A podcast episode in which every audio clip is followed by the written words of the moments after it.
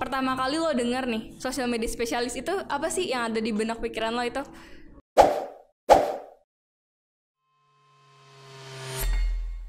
Action. Selamat datang di Front Office, medianya Profesor. Hari ini adalah episode kelima dari Front Office dan kita sekarang udah ada di Selawah Coffee yang ada di daerah Kebon Jeruk, daerah Jakarta Barat. Nah, dan hari ini kita udah kedatangan seorang tamu yang sangat spesial. Dia adalah temen kuliah gua waktu waktu itu dan sekarang dia bekerja sebagai konten planner, Sosial media spesialis. sosial media expert, sosial media expert. Enggak, enggak jangan bilang expert dong. Kan kan udah expert. ya, kita udah kedatangan seorang Nurbaiti Purwakartika. ya. Halo Jan. Apa kabar, Tik? Baik-baik, alhamdulillah ya. Tapi lagi kondisi pandemi kayak gini kayaknya eh, sulit sih sebenarnya bilang baik-baik saja. Dari segi apa dulu nih? Kan Dari kita sehat-sehat nih. Oh ya kalau kalau dalam keadaan saya sehat, Ya. cuma mungkin ada eh, ada beberapa yang kita khawatirkan lah Jan. Oh, gitu. Tapi keluarga di rumah sehat ya? Ya, alhamdulillah Alhamdulillah sehat-sehat. Ya, hari ini kita mau ngobrol tentang eh, lu nih, maksud gua lu kan sekarang eh sebagai sosial media tapi bukan konten kreator ya, lebih ke planner, Ya bisa dibilang gitu. lebih ke planner. Leb- gue sih lebih ke supervise si yang bikin kontennya justru gitu. Hmm. Nah terus eh bisa dijelaskan aja langsung nih maksud gua lu itu apa aja job job desk lu yang sosial media expert itu dan membedakan dengan apa namanya bisa konten kreator yang lain atau job desk job desk yang serupa tapi sebenarnya berbeda gitu. Oke, pertama berarti kita masuk ke eh apa sih sosial media spesialis gitu? Ya. Kalau orang yang kalau misalkan pertama kali lo denger nih sosial media spesialis itu apa sih yang ada di benak pikiran lo itu? Ya di balik layar seorang orang yang berada di balik layar yang ngisi konten-konten tentang sosial media anything sih platformnya cuman di balik layarnya lah seperti Ya. itu sih.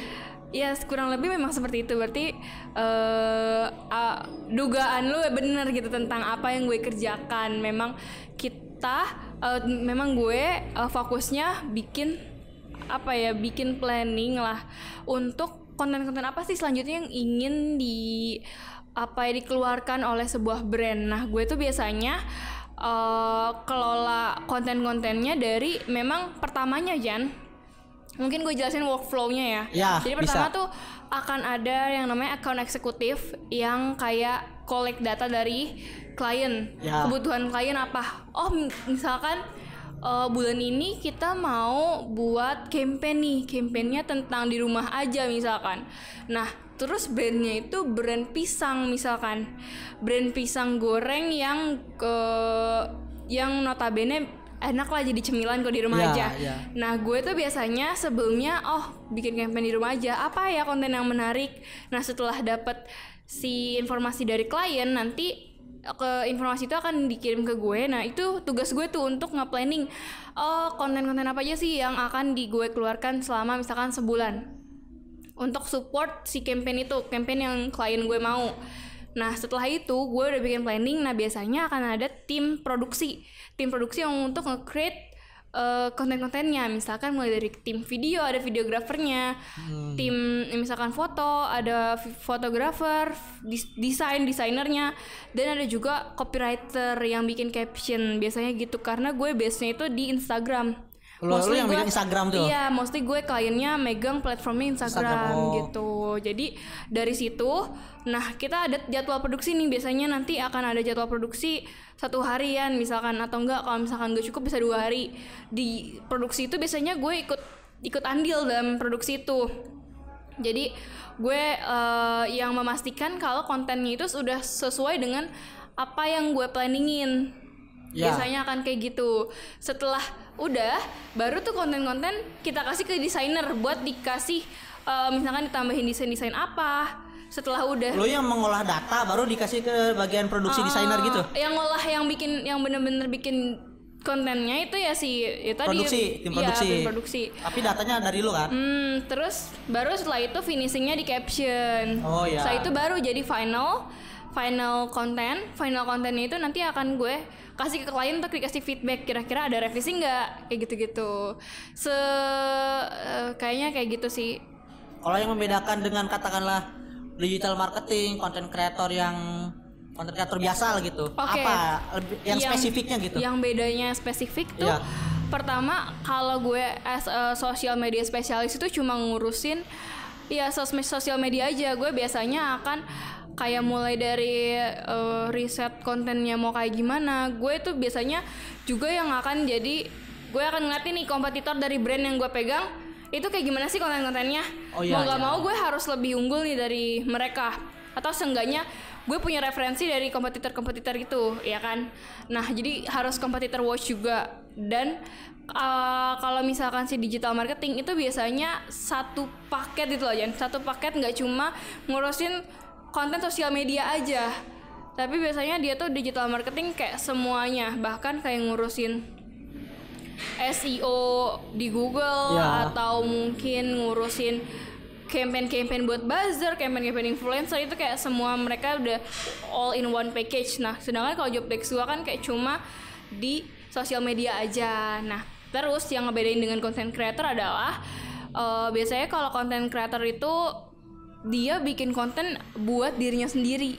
Iya gak? Iya, iya, iya. atau mungkin ada brand yang support itu biasanya kerjasama buat eh, support campaignnya brand biasanya kayak gitu jadi eh, biasanya sih dia akan content creator akan berdasarkan apa ya eh, dengan nama dia sendiri entah itu nama mungkin eh, segrup dia sendiri atau bisa jadi kayak eh, benar-benar nama dia sendiri gitu. Nah kalau kayak gini lu punya brand sendiri kan? Iya. Front office itu Iya.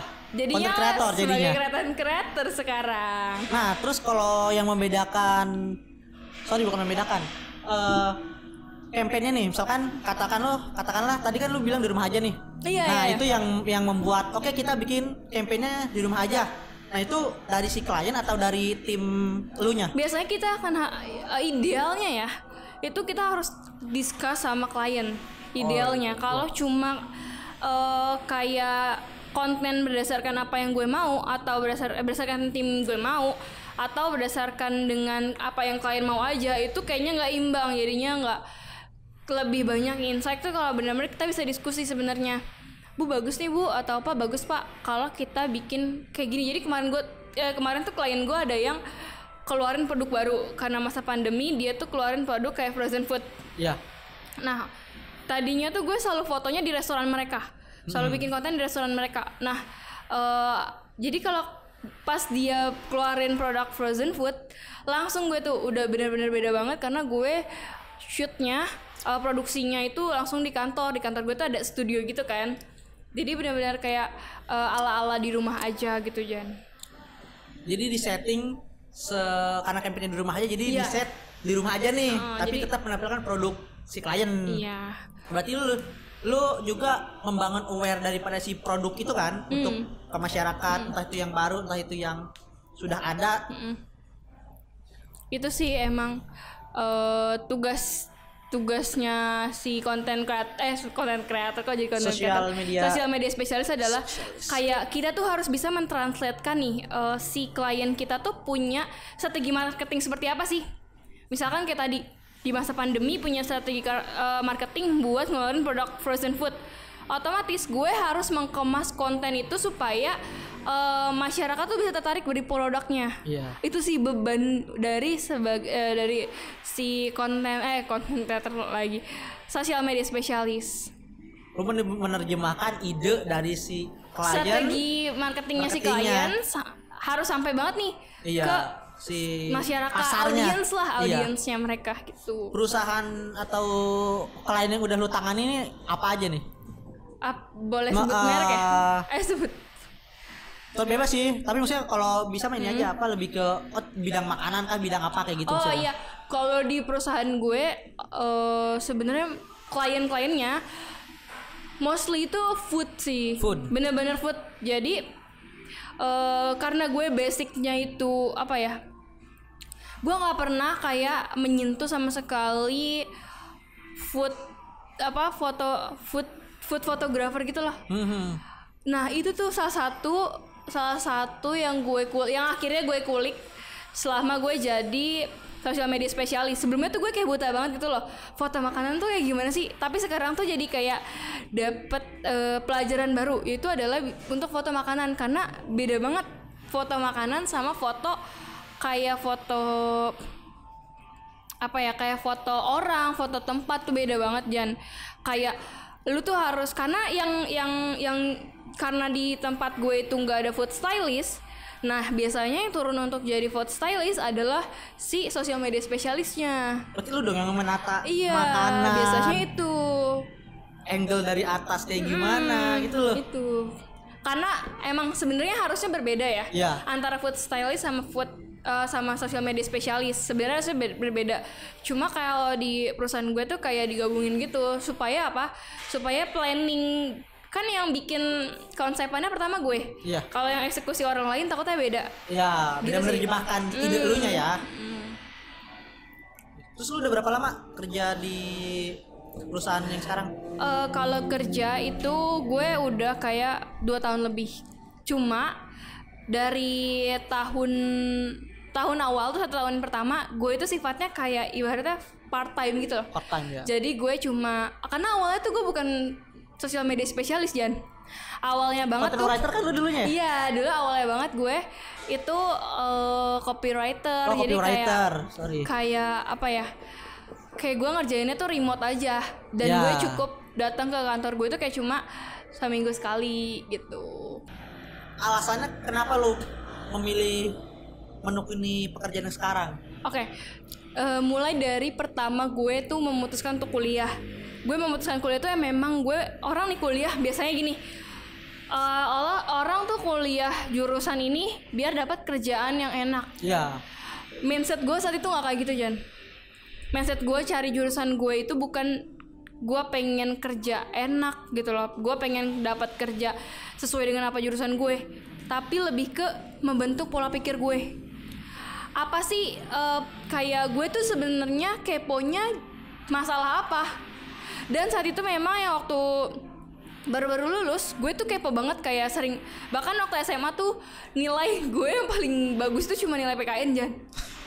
Kayak- dan gue tuh suka banget debat dulu tuh Iya, di iya. SMA nah setelah itu eh nah itu pun yang akan jadi apa ya mindset gue ketika gue bekerja gue tidak akan kayak ih kok jurus kok kerjaan gue nggak sesuai sama jurusan gue Ah. gue nggak akan kayak memikirkan itu karena menurut gue itu hal yang berbeda kayak ya kerjaan itu apa yang lu sukai gitu loh Iya. tapi kalau jurusan kuliah gue lebih memikirkan untuk gimana caranya mindset gue itu lebih berkembang, Berkembang, gitu loh dan betul. memang itu yang gue butuhkan saat itu nah eh, dari situ akhirnya gue memutuskan dan emang gue tuh suka banget main sosmed gitu loh Jan Hmm.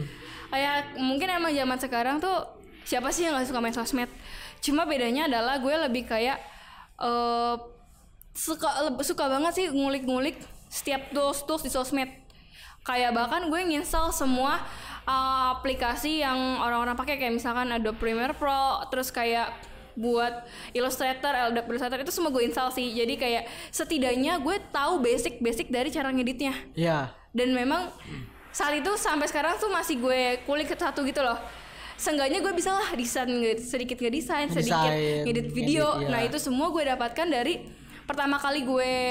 Hmm, jadi ketika lu jadi sosial media spesialis tuh lu harus ngasih brief ke orang desain misalkan. Gue harus ngasih brief nih desainnya harus kayak gimana sih. Nah gue tuh harus paham tools tools. Seenggaknya nggak harus paham banget tapi Tahu cara kerjanya. Iya lo harus tahu eh, misalkan bagian-bagian dari eh, tools desain itu apa aja harus tahu gitu loh karena nanti desainer lo bingung dong kalau nggak tahu Iya. terus kayak videographer lu lu sebelum jadi tuh sebelum konten-konten itu gua kasih klien itu dikurasi dulu sama gue Ya. konten-kontennya bagus gak? Revisi tuh semua datangnya dari gue biasanya. Sebelum gue kasih ke klien ya. Pasti banyak dari lo kalau iya revisian nah, ya. makanya itu gue nggak mungkin kan menilai itu satu satu video atau satu foto bagus atau jelek ketika gue nggak ngerti. Enggak mengerti ya ya. kan? Kayak food fotograf food eh, foto foto makanan itu biasa pertama gue nggak ngerti banget kayak harusnya gimana ya buat bikin makanan tuh tempting kayak gini. Ada kentang kan nih kentang nih nah gimana caranya lu tuh foto bikin orang tuh kayak tergugah gitu ya? tergugah itu. Dulu awal-awal gue kayak yang ih bingung ini gimana ya? Terus tuh milih props di kantor gue tuh propsnya banyak banget ya. Ada satu studio isinya tuh prop semua. Iya. tapi gue harus milih prop seminim mungkin tapi bi- biar lebih menarik nih ini konten gitu. Jadi eh, keuntungannya jadi sosial media spesialis itu gue bisa ngulik banyak hal sih. Nggak cuma kayak konten-konten itu doang tapi dibaliknya. Gue ngebelajarin kayak eh, setiap lini konten yang dibuat gitu. Karena biar idenya itu sampai sesuai keinginan kliennya sesuai dengan produknya gitu kan. Apalagi kalau paling susah ya sebenarnya ngasih revisian video sih. Kalau lu nggak ngerti video kayak ini apa ya ngomongnya? Ke ke videografernya. Kan gak enak dong. Ini gua kurang suka. Nggak mungkin dong. Iya. Kalau udah lu masuk ke apa ya dalam eh, dalam sebuah bidang profesional lo harus seenggaknya mengungkapkan apa yang ada di pikiran lo nggak bisa yang kayak gua nggak suka nih videonya kayak gini. Tapi lo harus jelasin dong videonya nggak sukanya apanya. Gitu gitu jadi objektif gitu asalkan kurang di mananya tapi menggunakan eh, apa bahasa yang ada di video itu kan tidak bisa bahasa. Ini buram nggak bisa se- kayak gitu kan. Jadi bisa di blur nih kayak Iya, gimana kayak kayak, gitu gitu, sih kan. biasanya. fade in fade out kayak gitu gitu menarik menarik. Terus gimana nih? Lu bisa masuk ke perusahaan sekarang itu. Maksud gua bagaimana lu cara memulai eh, dengan pekerjaan lu sekarang lu bisa masuk itu karena mekanismenya kayak gimana sih gitu gimana akhirnya bisa tercim tercimpung ke iya bisa terjun dan bisa ini ya, akhirnya masuk ke oke, bidang ini jadi- sekarang Sebenarnya awalnya kayak cuma apa ya Jan ya? Pertama gue punya teman. Emang ini kayak kayak ibaratnya orang dalam gitu loh Jan. Tapi sebenarnya lo bisa sih walaupun meskipun lo nggak punya orang dalam gitu ya. Sebenarnya gue cuma pengen negasin aja kalau misalkan lo emang pengen masuk ke dunia agency eh, lo bisa banget mulai dari magang-magang gitu bisa banget. Cuma kalau dari kasus gue itu awalnya adalah teman gue ya gue punya teman waktu SMA nah teman gue ini yang awalnya kerja di perusahaan ini. Dia tuh awalnya dulu eh, memang kerja di sana dan eh, dia tuh tahu eh saat itu perusahaan itu belum punya copywriter.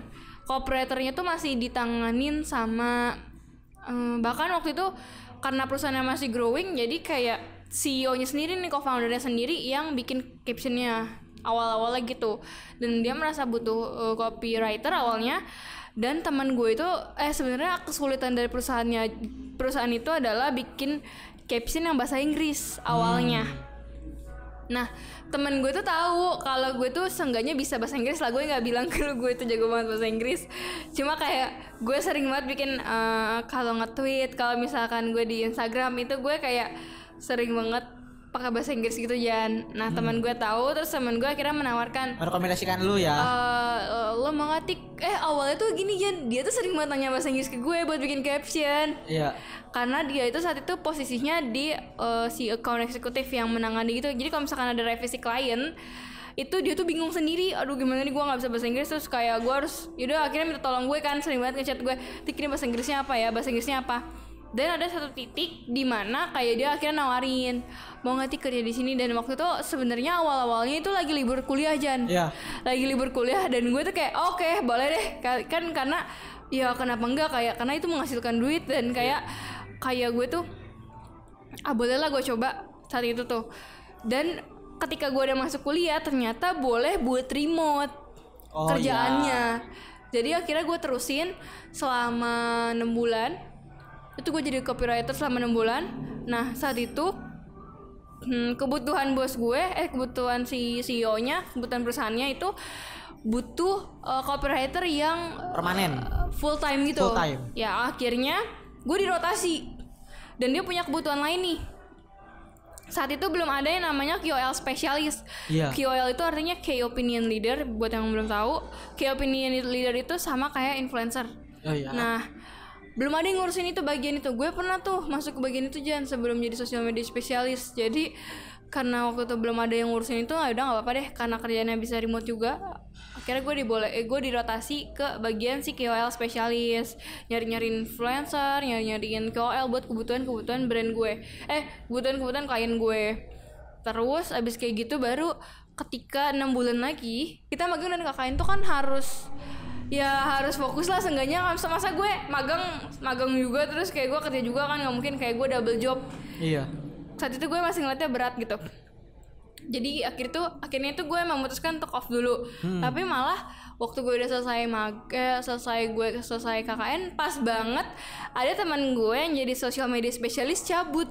Nah CEO gue daripada gue nyari orang Baru. baru yang harus ngajarin dari awal lagi lebih baik gue kan udah tahu perusahaannya kayak gimana akhirnya gue di diajakin lagi kayak gabung ke sana gitu dan gue kira mau kan dan akhirnya sampai sekarang nih dan pas Jadi- banget udah mau setahun lah jadi udah mau hampir Sosial media Iya, udah expert dong sekarang mah bukan sosial media spesialis lagi.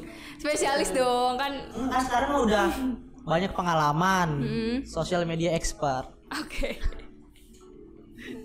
Berarti emang karena ya rekomendasi lah jadi kan Awalnya awalnya gitu, rekomendasi. ya. Mau nggak tik nih gitu. Ya udah akhirnya diambil. hmm. Tapi ada nggak sih sebenarnya eh apa ya namanya? Ya open recruitment gitu. Ada. Kualifikasinya kayak gini gitu. Oh, kualifikasinya ya. Sebenarnya pertama itu kalau dalam agensi ya, menurut gue cukup modal kreatif aja kok. Kreatif. Mm-mm. Dalam hal apa pun Gue nggak ya. pernah mandang orang kayak dari dari jurusan mana, dari dari eh, bahkan dia nggak kuliah pun, tapi ketika lu bisa membuktikan kalau lu kreatif, oke banget kok buat masuk ke bidang ini, bidang dan lu jangan pernah capek buat kreatif gitu.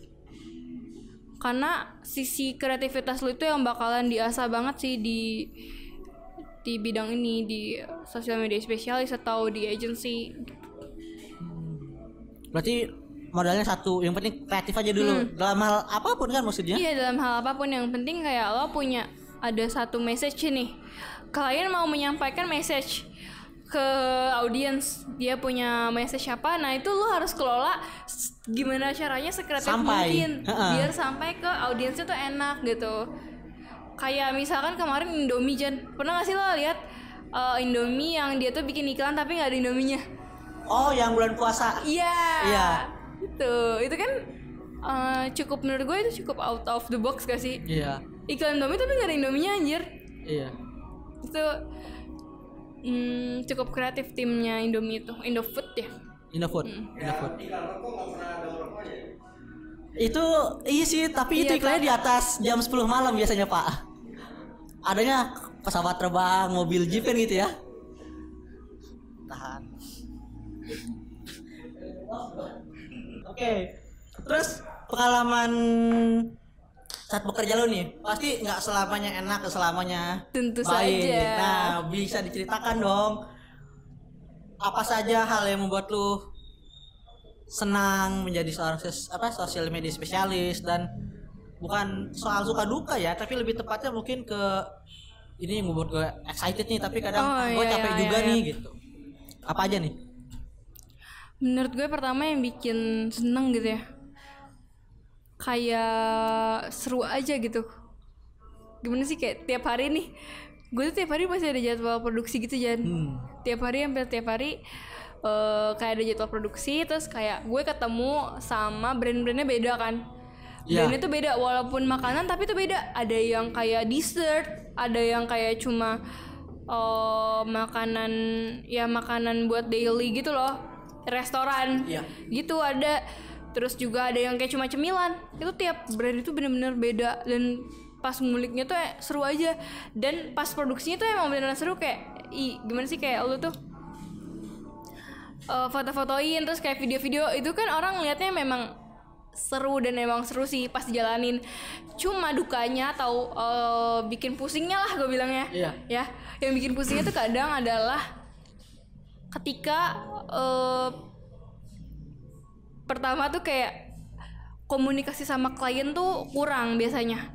Kalau komunikasi klien sama eh, kalau komunikasi sama klien tuh kurang atau miskom itu nanti ujung-ujungnya akan jadi revisi-revisi terus jangan biasanya. Karena idenya nggak sampai Oh, kan. oh, biasanya tuh di situ klien maunya apa, kita nangkapnya beda, tim kita nangkapnya beda, translate mentranslate-nya beda.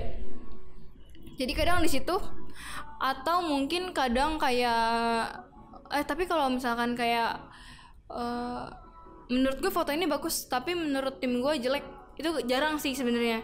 Yang kayak gitu biasanya jarang ya kalau untuk foto.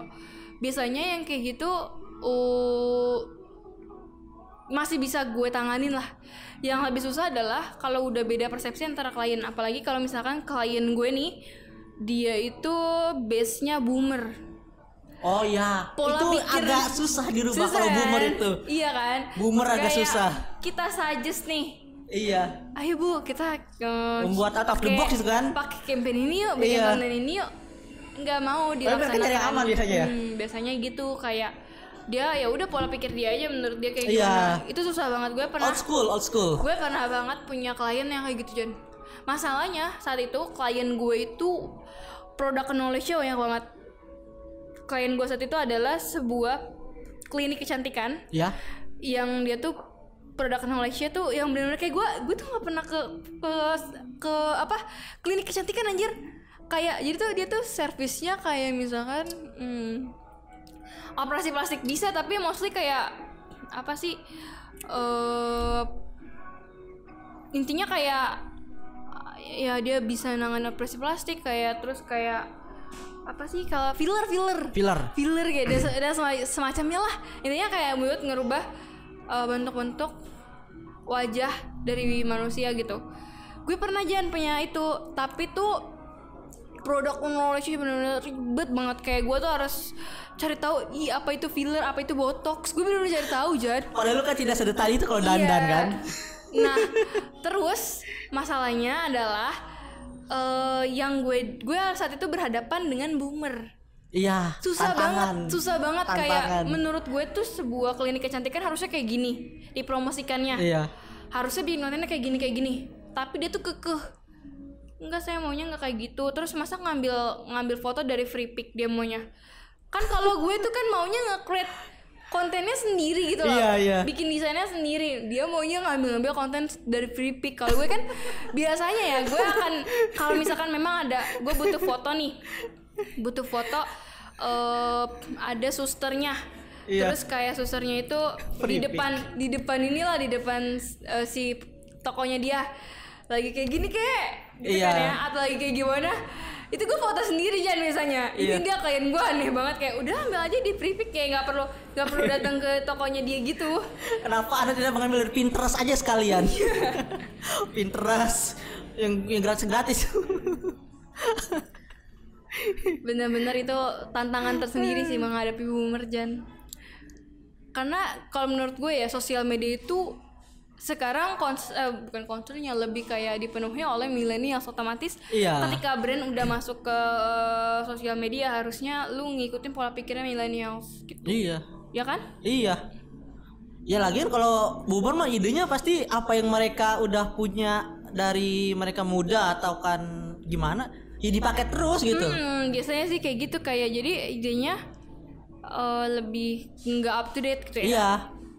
Iya ya, memang pola pikir kita sama generasi X itu berbeda banget sih. Sedangkan kita hidup di, di generasinya Y dan generasi Z. Hmm, Media sosial kan sekarang diisinya generasi itu kan. mm-mm. Eh, apa sebutnya yang pendatang apa pendatang sama native oh, sama apa iya. itu? Oh iya benar kita pernah Native bahas sama itu apa di eh, apa waktu itu e-government ya? Iya. Kita Iya. punya mata kuliah e-government. native sama apa gitu loh pak. Justru si boomer itu imigran ya. Imigran bener, Di native dunia. dan imigran. Boomer itu Iya imigran. imigran. Boomer Kalau kita kan native tuh yang hidup ketika sosmed sudah ada atau bertumbuh ketika sosmed sudah ada sedangkan boomer eh, sosial media ada ketika mereka sudah beranjak di usia yang sekarang gitu. Oke, menurut lu prospek Oke, prospek jadi ya. ya pokoknya di spesifik di bidang lu sekarang dan prospek tentang dunia digital ini anything ya platformnya gitu. Bagaimana ke depannya?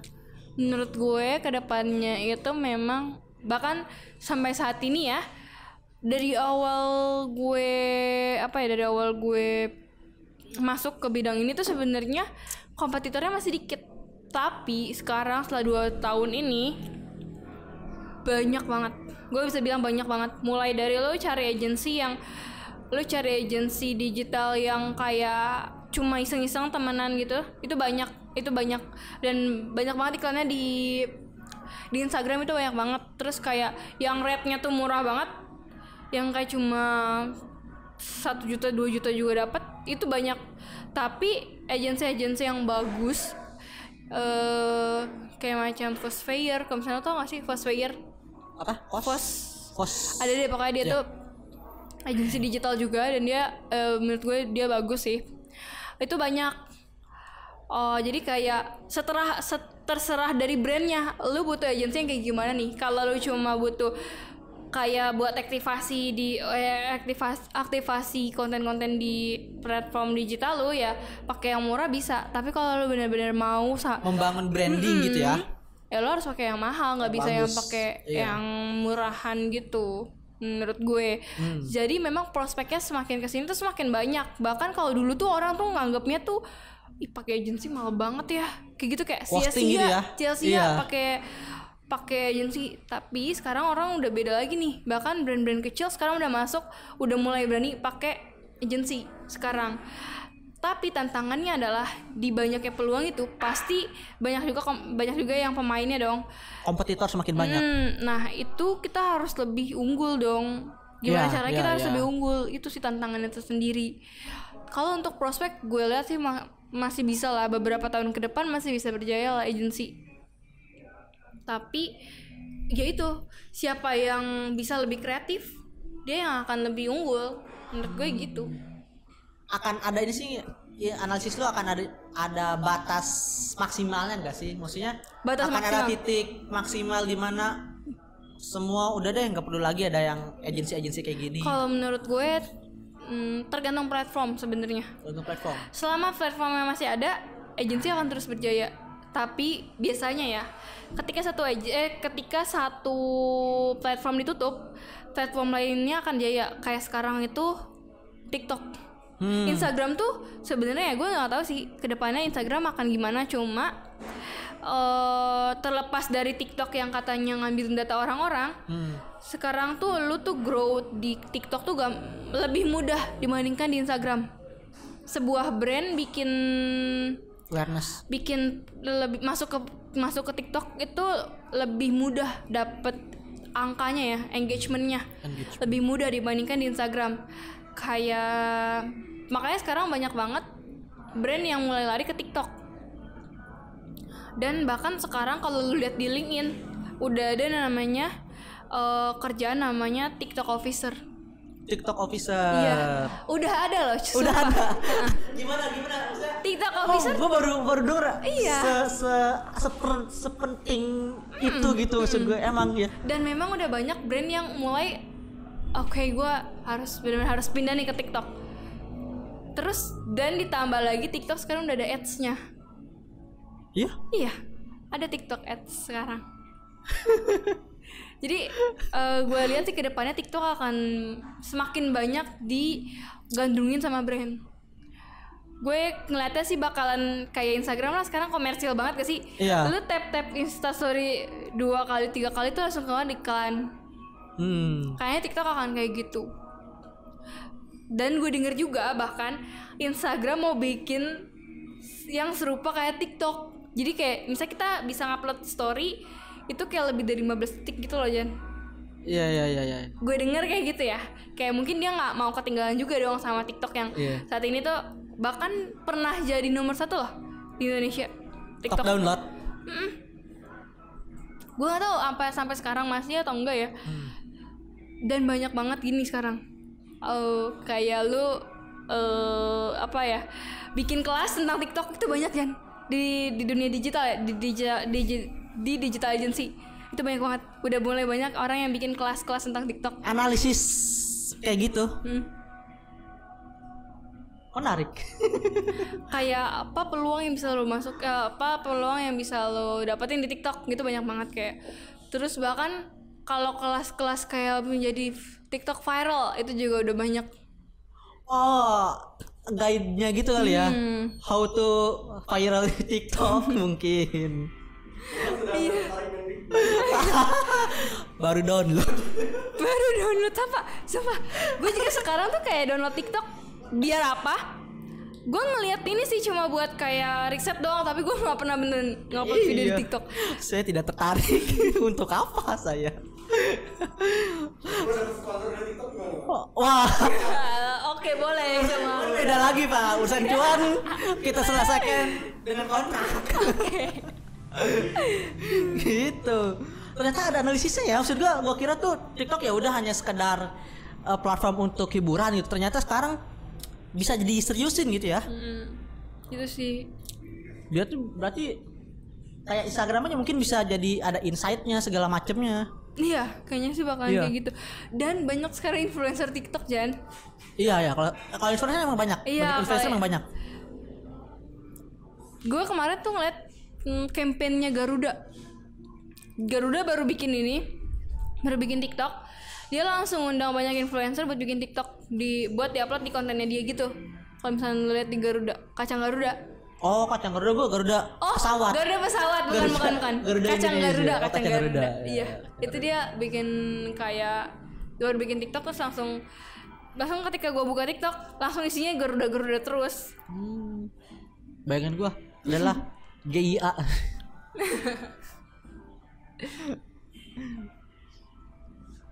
Apa pekerjaan impian lo selain yang lu jalan sekarang? Hmm, dulu tuh gue pengen enggak sih dulu tuh gue eh nggak tahu ya gue nggak pernah tahu bercita bermimpi memimpikan untuk jadi PNS Jan pertama itu ya. Cuma dulu gue bermimpi untuk satu-satunya PNS yang gue jadi PNS yang gue inginkan cuma gue pengen banget jadi peneliti di LIPI Oh ya, dulu researcher. gue itu pengen banget kan.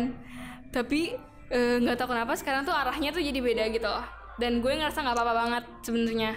Karena ya apalah eh, apa impian tuh bisa berbeda-beda seiring dengan waktu. Nah sekarang banget nih gue pengen banget nanti mm, kerja di startup gitu loh. Tapi startup startupnya yang kayak udah memang dia udah besar gitu. Gue pengen banget di situ sebenarnya. Karena gue diceritain tuh ya sama teman-teman gue yang udah pernah kerja di sana atau temen gue yang bahkan baru ngelamar doang di sana. Ih parah Jan temen gue tuh uh, sampai uh, pernah ngelamar di Shopee dan gue kaget banget kayak ternyata interviewnya kayak gitu ya dia tuh jadi waktu ngelamar di Shopee interviewnya parah banget kayak Kayak gimana? kayak gimana kayak lu tuh bener-bener dibikin mentalnya down waktu Oh, ngelamar di Shopee dulu gitu? iya dan gue tuh kayak ngerasa "Eh, kayak gue harus mencoba setidaknya gue mencoba untuk ngelamar di situ nanti gue penasaran kayak temen-temen temen gue tuh kayak bener-bener yang ih parah banget ah Shopee loh." Di interviewnya gini gini gini gini Mungkin ada pesan-pesan untuk kawan-kawan Shopee. enggak enggak enggak Email saya ini. Nama akun saya ini ini. gitu Tetap di platform digital ya. Hmm, pengennya sih gitu ya di platform digital. Gue nggak tahu akan di bagian apa, tapi ya bakalan lebih eh kalau bisa sih bakal ngurusin sosmed juga, bakal ngurusin ngurusin konten juga lah. Gue lebih pengen ke situ kalau sekarang. Menarik, menarik. Memang sekarang tuh digital sangat berkembang sih. Emang apalagi e-commerce itu kan sekarang eh lagi dari dulu emang udah naik, cuma sekarang semakin banyak hal yang bisa dilakukan di e-commerce, bayar-bayar selain belanja sih. Bayar-bayar segala macem. Jadi semakin banyak job desk yang spesifik mungkin. Iya, apalagi tuh selama work from home ya, Jan. Mm-mm. Kerasa banget kan kebutuhan akan eh, digital tools ini semua. Iya. Kerasa banget kan kayak lu makan harus beli pesen dulu lewat online. Terus lu internet apalagi kan bergantung banget waktu kemarin-kemarin tuh gue soalnya sempat work from home Mm. selama bulan Maret kayaknya sampai baru kok bulan apa Juni itu baru baru kembali masuk ke kantor. kantor lagi gitu Kalau misalkan ada tawaran tiba-tiba tik jadi PNS DKI tapi TPNS DKI Iya. gue akan lihat ininya sih jangan job desk-nya Job desk. kalau kayak cuma administratif gue nggak mau beneran kayak cuma dealingnya kayak administrasi doang gue nggak akan mau Dua digit. Dua digit ya Dua dua digit. tapi kan PNS mah itu apa berjenjang gitu loh Iya, iya. kayak lu tuh kalau masuk nggak mungkin langsung banyak gitu gak sih Idaman mertua. kalau misalkan PNS-nya masih ngurusin so- sosmed kayaknya kan sekarang banyak tuh kebutuhan sebuah instansi pemerintahan Kominfo. Ya Iya, iya. sebuah instansi pemerintahan butuh kayak ngejalanin akun sosial medianya soalnya Iya. gue pernah mau magang di satu instansi pemerintahan dan di bagiannya sosmed pernah gue waktu magang itu magang dari kampus Mm. tapi gue lebih milih di Eh, lo lipi kan itu kan? iya Di lipi. Research. Nge-research ya? Heeh. jadi gitu kalau misalkan masih kayak yang uh, konten-konten ngurusin konten gitu-gitu oh oke lah sekarang Karena relate-nya sekarang di situ dan menguasainya di situ ya. Terus kalau menurut lu hmm, dampak negatif dan positifnya situasi sekarang terhadap pekerjaan lu apa? Nah, itu sih gini, awalnya tuh gue waktu awal-awal kayak Februari Maret itu kan memang udah heboh ya. Bahkan dari Januari udah heboh. Gue nggak akan gue nggak berpikir kalau perusahaan gue akan kena imbasnya. Karena secara dari digital kayaknya gue ngerasanya ah gue pede lah nih nggak bisa akan nih remote, bisa remote juga kan? Iya bisa remote juga gue mikirnya kayak gitu kayak ah, kayaknya bisa nih. Tapi ternyata kayak pandemi itu pandemi ini tuh semua perusahaan kena Jan. Kena.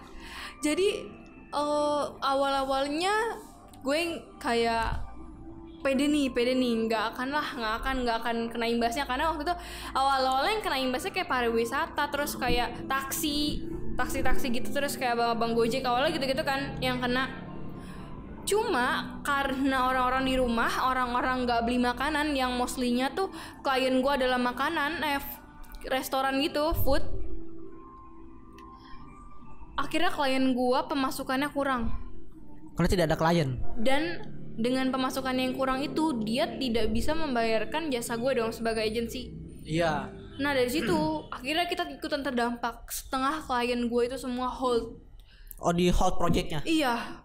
Di projectnya di hold otomatis nggak ada nggak jalan lah yang cash flow-nya. Eh, cash flow-nya nggak jalan. Akhirnya kita eh, setengah klien hold terus kayak sebulan tuh nggak ada pemasukan ya akhirnya bos gue eh, memutuskan buat nge-cut off beberapa orang bahkan sampai setengah orang eh setengah Dia karyawannya jumlah karyawan.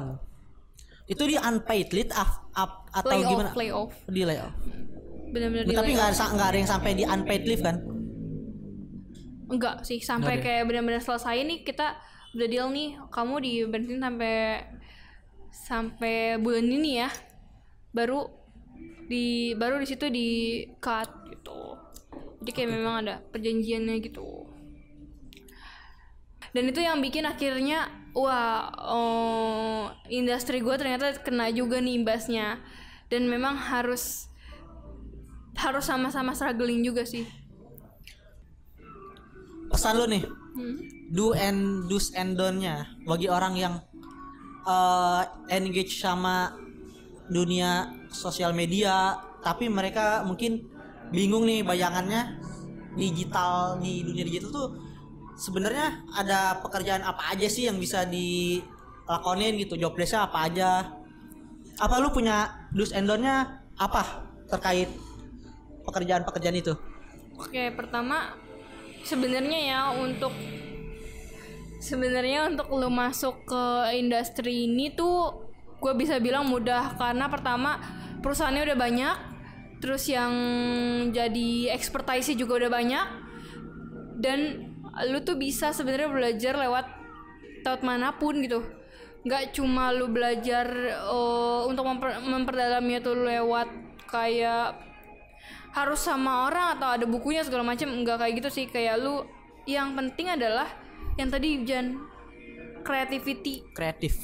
Mm. itu yang modal yang paling Ya, utama nah, untuk ke industri ini ya. Pertanyaannya lebih ke gimana caranya biar bisa kreatif dan akhirnya lo bisa masuk industri ini. Ya bisa. Pertama itu adalah lebih banyak riset sih. Nyari referensi. Referensi Hmm. itu penting banget di industri kita ini. Kayak lu punya nih pemikiran di otak lu, tapi lu nggak punya referensi atau lu nggak bisa nyari referensi yang hampir mirip dengan apa yang ada di otak lu. Yang nggak bisa, orang-orang nggak bakal ngerti apa yang lu mau, apa yang lu maksud. Gue gitu. Jadi benar-benar nih eh, kayak lu ketika ngelihat satu video YouTube terus kayak kok keren banget ya videonya. Misalnya videonya Andovi itu kan biasanya dia bikin video keren-keren ya. Nah lu tuh kulik gimana sih caranya biar bisa bikin kayak gitu? Karena eh, bikin konsep tuh nggak yang semudah itu loh. Nggak yang semudah ayo bikin ini bikin ini yuk nggak semudah itu Ada flow chartnya. Hmm, lu coba deh, lu coba deh kalau nggak lu bikin project iseng sama temen lu, eh, lu kayak coba bikin video atau mungkin lu, bi- lu foto iseng apa kek. Nah, lu akan tahu tuh, akan tahu sendiri. Oh gini ya ternyata nggak semudah itu loh, kayak tinggal foto cekrek doang, nggak Iya, kayak iya. gitu. Harus ada setting kameranya apalah terus kayak Pengaturan ya, pencahayaan, belum angle gitu-gitu kalau kan. misalkan lu harus ngedevelop idea lu tuh sama tim Iya. kalau mungkin kalau gue kan posisinya sendiri kayak konsepan dari gua terus gua cuma harus nyampein ke fotografer dan videografer segala macam kan Iya. apa yang ada di konsepan gue belum lagi kalau misalkan nanti lu tuh kerjanya tim kayak eh, konsepnya harus di brainstormingin sama tim yang benar-benar ini konsep tim bukan konsep diri lo sendiri Iya iya iya. itu yang, yang akan lebih mudah karena eh, yang akan diuji adalah kemampuan sebagaimana lu bisa ngungkapin ada di otak lu. Karena nggak menurut gue ya ngungkapin apa yang ada yang ngungkapin apa yang ada di otak kita itu nggak yang semudah itu. Iya, kadang gue benar, tuh benar. ngerasa ih gue tuh punya kepikiran ini tapi tuh Gak bisa mengungkapkannya kayak gimana kayak ya gimana gitu. ya? Iya, aduh nulis aja gitu kan Jan Iya. nulis kadang ih gue tuh kepikiran ini tapi gimana ya nulisnya yang biar Karena enak masih minim referensi kan. Iya bisa Iya, jadi itu bisa minim jadi itu. referensi. Makanya memang harus banyak nih. Misalkan lu ngeliat konten konten konten yang bagus, terus itu jangan cuma kayak lu nikmatin. Harus dianalisis. Ah, Kenapa bisa kayak gini ya? Kenapa? Gitu ya. Ih kok dia bisa ya bikin Iya. konten kayak gini? Gitu. Jadi yang paling utama itu harus kreatif. Ya, Karena iya. modal utama masuk ke industri eh, digital ya kreatif ini. Yang lain bisa dipelajari ya. Hal-hal lain gitu. Kayak misalkan teknik teknik kayak lu teknik ngambil foto bisa dipelajari segala macam Ah, cuma ada satu manual ya booknya ya. cuma satu yang nggak bisa yang susah banget Iya. yang susah banget eh, didapetin tuh taste kayak Tes. misalkan Betul. lu punya gaya desain sendiri nih Heeh. Itu kan personal. itu personal banget Personal. ya kalau lu nggak punya taste yang bagus lu referensi di otak lu tuh kurang desain lu nggak akan bagus Iya. Itu Gitu. betul, betul. Misalkan kayak lu pengen ngedesain gambar apa aja, tapi Hmm. kalau lu minim referensi, kayak yang ya udah akhirnya jadi gini, gini lagi, gini lagi gitu. Tidak kreatif. yo Lu mau atau boleh disebutkan nama perusahaan lu tempat bekerja dan Boleh lu dong. latar belakang pendidikan hmm, atau nama ini aja deh apa si perusahaannya yang sekarang. Oke, perusahaannya sekarang itu nama hmm, nama PT-nya ya PT Enhance Solusi Digital. Cuma biasanya kalau di lebih disingkat kayak Enhance Agency gitu lah. Oh sih ya. Enhance Agency. Cuma nama PT-nya itu PT Enhance Solusi Digital Lokasinya di Tangerang, di Jakarta Barat. Jakarta Barat. Iya di Cengkareng. Oh Cengkareng. Terus eh boleh ini nih. Range penghasilan lu kurang lebih range-nya berapa nih? Eh gimana ya kalau untuk penghasilan? Karena kan apa marketing eh sorry apa digital ini kan Hmm? tidak sedikit yang memandang menjanjikan ke depannya mungkin dari sekarang udah mulai kelihatan nih oh kurang lebih segini segini segini gitu. Eh, pasti sih di atas UMR pasti kalau range-nya itu ya tergantung perusahaan lu sendiri sih Oh besar kecilnya dia ya. iya tuh karena perusahaan gue masih menengah ya masih intinya masih kayak under 10 juta lah Bentar dan lagi. di atas dan di atas UMR pastinya gitu Iya. Dan sangat menjanjikan tentunya.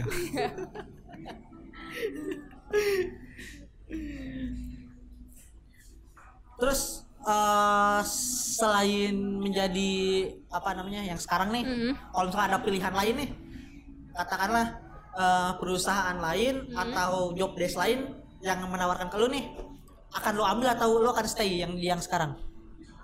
contohnya apa nih kalau lebih menjanjikan ya kenapa enggak Ya misalkan lu tapi jangan kasih jadi PNS Enggak.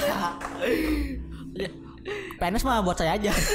Nggak misalkan nih, lu eh, di ada tawaran dari agensi tapi yang lebih besar. Hmm. Katakanlah atau kita lebih gampangnya kita buat eh, bukan startup tapi udah pada tingkat entah unicorn atau apa. Ada tawarannya tuh datang ke lu nih, tik mau nggak? Akan lu ambil atau gue udah nyaman nih di sini? gue bakal ngeliat di tiga hal Apa tuh? Apa tuh? dulu sih. Apa tuh? Apa tuh? pertama karena lu kerja lu ekspektasinya pasti ke penghasilan lu Oke. mau lu kayak ini tuh passion gue anjir ini passion gue gue gak apa-apa dibayarin kecil tapi gue nggak yang seidealis itu sih sekarang karena menurut gue Emang dulu gimana? Bongkar jangan nih. Ya lu pasti harus ngeliat angka dulu kalau gue Ya ya ya. kalau betul. angka itu lebih menjanjikan ya kenapa enggak terus yang kedua gue pasti akan lihat eh kalau brandnya besar juga eh lebih besar dibandingin perusahaan gue kenapa enggak gitu cuma yang terakhir gue harus ngelihat environmentnya sih environment Adanya dari perusahaan banyak gue. boomer. ya misalkan itu contohnya banyak boomer atau enggak? Kalau agensi banyak boomer oh, pasti caur nih. Brainstormingnya brainstorming Eh, Caur itu tolong dideskripsikan gitu. pasti caur terus kayak pasti gue brainstormingnya bakalan susah, Susah, dong. Susah, susah, kayak iya. aduh gue bakal kayak gue bukannya mengunderestimate boomer. Banyak juga boomer yang eh bisa masuk ke ke milenial? Terakhir, oke. Eh tips atau bukan tips apa namanya ya? Ya berbagi pengalaman dari misalkan, oke bagi lu yang baru lulus SMA, lulus kuliah, tapi gue pengen masuk ke dunia digital apa pun gitu. Entah itu lu konten kreator menjadi marketing atau anything lah gitu platformnya job desknya. Hal apa aja yang harus lu punya? Atau katakanlah requirementnya apa aja yang harus lu harus lu punya yang harus lu bisa agar setidaknya bisa sustain nih lu di industri ini atau bisa masuk dulu deh gitu? Hmm, menurut gue adalah kepo sih. Mau ngulik kok mau ngulik sesuatu. Kalau gibah orang kita gimana? mau ngulik sesuatu apa? Kalau kayak gimana gimana ya boleh dong gibahin gibahin kompetitor oh misalkan iya bener gibahin kompetitor Iya, gibahin kompetitor. Eh, kompetitor kita ini gini-gini jelek banget. Misalnya gitu, kita kan bisa yang lebih bagus misalkan gitu. betul sih betul betul Gibahin kompetitor. Iya, bisa. Jadi eh yang penting menurut gue ngulik sih karena apalah apa ya? Sosial media dan digital marketing tuh banyak banget yang bisa lu kulik. setiap hari berubah nggak sih? Maksudnya Ya, apakah banget. demandnya ataukah trennya gitu? Trennya terus berubah kayak kemarin tuh lagi heboh banget video halu lu tau gak sih? Yang Aureli. Oh enggak enggak lihat. Nggak lihat ya? Jadi tuh kayak video-video yang eh, seolah-olah lu video call sama orang lain. Konsep konsep itunya kayak kayak gitu. gue pernah lihat cuman gue nggak ngeh itu video apa gitu. Itu kemarin lagi Gua pernah- booming. pernah lihat, pernah lihat. lagi booming tuh kayak gitu. Iya, iya. sekarang udah nggak lagi beda lagi trennya beda lagi. Hmm, jadi itu juga tantangannya buat eh, di, di- di dunia di- digital. Kayak kenceng banget sih larinya. Termasuk duitnya. Aduh realistis bos itu apalagi mah apalagi gimana apalagi? gimana Allah aja jangan ngasihnya kalau masalah rezeki. Ya nggak? anda anda jangan sok naif lah. Udahlah kita bongkar aja. Tapi kalau misalkan ada sesuatu ya sikat kenapa enggak? Iya lah kerja untuk profit bro. Masa kerja buat idealisme? Aduh. Ya bisa juga sih. Seenggaknya menurut gue harus beriringan sih Iya. antara eh, idealisme lu dan gimana cara lu hidup ke depannya attitude gimana maksudnya uh, ya Oh. terserah lu uh, sebagai individu kah sebagai apa dalam tim kah gimana maksudnya se pen- lebih penting ide atau apa pun Hah? kalau kita ukur gitu hmm?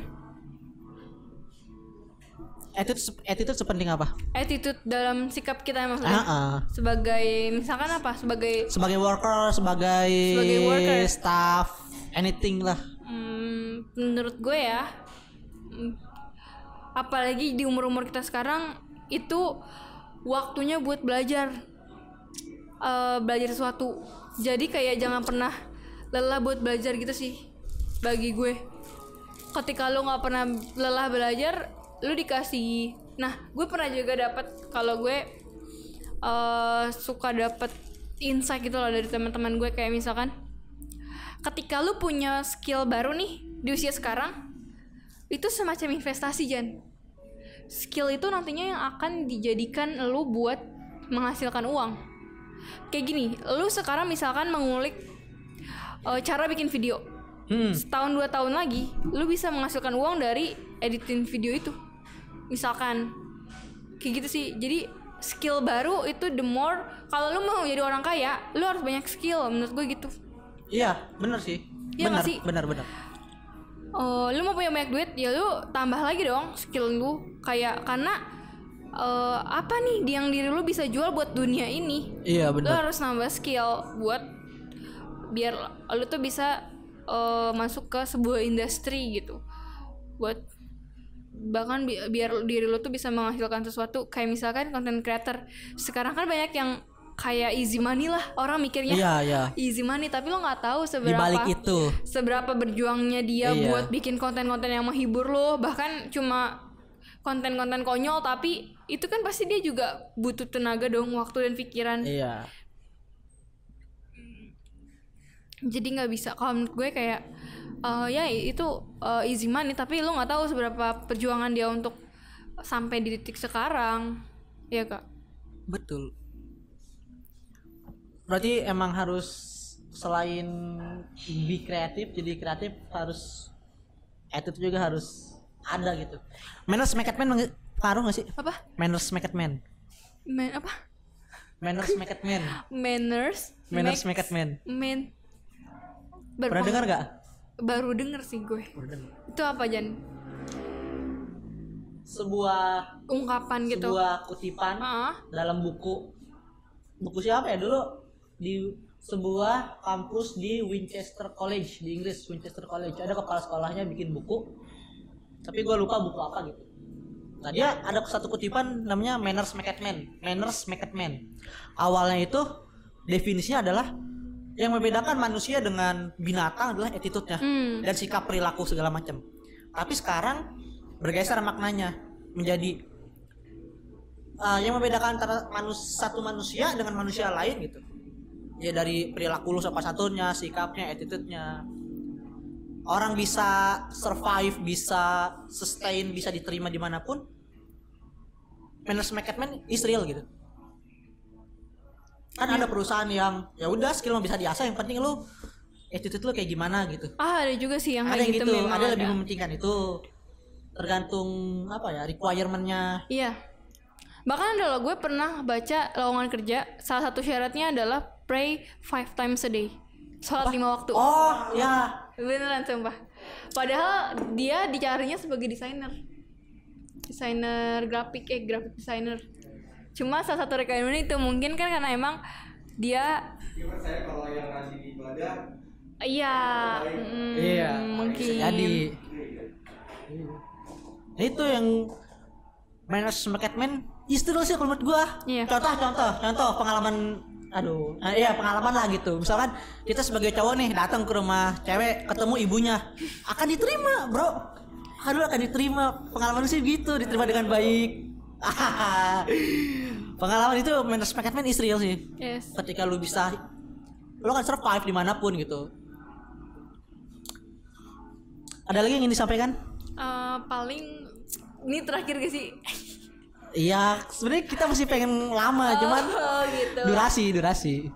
Nah. Apa, apa? Eh, itu sih tadi kalau menurut gue ya di umur umur kita yang sekarang itu waktunya buat kita tetap terus-terusan upgrade diri. Upgrade knowledge kita upgrade kayak relation rela- relasi. Relation, ya. itu penting banget sih. Dulu gue sempat menyepelekan namanya relasi. Kayak gue merasa eh, oh, oke lu cukup pupuk aja skill-skill lu baru. Tapi ketika lu punya skill tapi lu nggak punya link buat menyalurkan skill lu itu juga jadi sulit. Ya kan jadi memang lu harus punya relasi nah mungkin temen temen yang dulunya lu benci lu kesal sama dia suatu saat akan menawarkan lu project Iya bener. iya gak sih Bener, bener, bener. Dunia kerja mah ah udah nggak mandang gitu kan? Iya kayak udah nggak mana makanya kayak ya lo harus uh, tetap berbuat baik sama orang lain.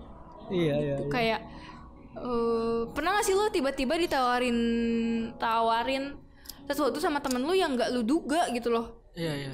Pasti pernah kan kayak iya anjir tiba-tiba dia datang ke gue terus kayak ngasih sebuah entah itu project baru atau kayak cuma datang buat ngasih apa gitu. Itu uh, satu one of a blessing menurut gue. Banget. Ya Banget kan, sih. kayak makanya jangan pernah lo ragukan uh, the power of relation sih, ya kan?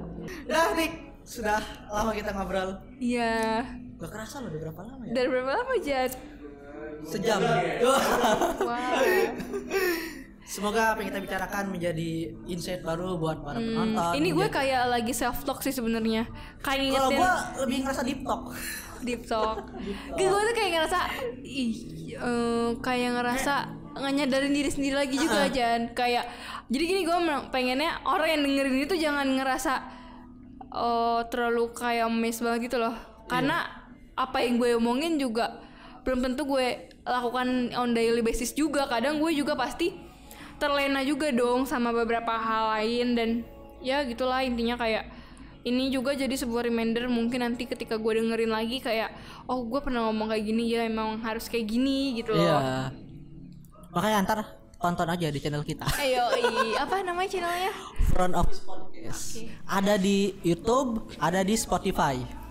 Kalau mau diundang bisa request ke Jan Bisa. bisa banget loh Bisa ternyata. banget kamu diundang. keren gitu. Eh enggak dong, kita punya kualifikasi. apa tuh kualifikasi Tapi kualifikasinya yang pertama adalah rahasia dapur, tar aja. Ah, rahasia dapur Kualifikasinya tar aja di balik layar. Oke Tik, semoga apa yang kita bicarakan bermanfaat dan menjadi Oke. insight baru buat para uh, viewer kita dan semoga mereka terinspirasi dengan adanya lu di sini. ya membuka wawasan dengan oke gue pengen menjadi digital digital sorry. Sosial pengen menjadi media. sosial media expert. Udah expert dong bukan spesialis lagi. Jadi mereka bisa oh ternyata di dunia digital pekerjaannya banyak loh gitu. Nggak cuma lu bekerja bag- sebagai di balik layar juga ternyata bisa lu menjadi frontman-nya atau apa pun. Tapi masih dalam konteks yang dunia digital itu sendiri. Semoga eh, ke depannya lu sukses terus. Amin Jan, gue juga eh, mau ngucapin terima kasih nih kepada Ojan dan tim-timnya nih. Karena udah belain jauh-jauh dari Bekasi ke Jakarta Barat. Ya ampun, perjuangan banget. baru ke Jakarta Barat. Oh iya. Iya, Ke iya. Tangerang terus ke Jakarta Barat Gila, itu sebuah perjuangan banget ya Semoga kalau dapat yang kayak gini mah ya. Terbayar semoga ke depannya ini podcastnya bisa ter- selalu sukses. Dan amin banyak didengerin orang-orang. Amin. Ya. Hah? ah paling penting dimonetize. Ya. dukung terus channel kita. Saksikan di Sosial media. oh iya sosial medianya bisa di mention Oke, ini ada di sini ya. ada gak sih? Gitu bisa sih. IG-nya IG-nya di At at kartikurt Kartikurt ya, di follow spell aja spell ya di guys. spell K A R T I K U R T. Kurtnya Kurt Cobain. Kurt Kartikurt bisa langsung di blok aja di follow di follow oke Dulu terus channel kita di Front Office Podcast bisa kalian saksikan di YouTube dan Spotify dengan namanya Front Office Podcast Semoga apa yang kita bicarakan bermanfaat dan menjadi inspirasi baru serta insight yang menarik buat kalian yang sedang mencari eh job atau yang ingin mencari sesuatu yang baru. Dukung terus channel kita, share, like, dan subscribe Front Office Podcast. Front Office Podcast, medianya para officer. Wih deh.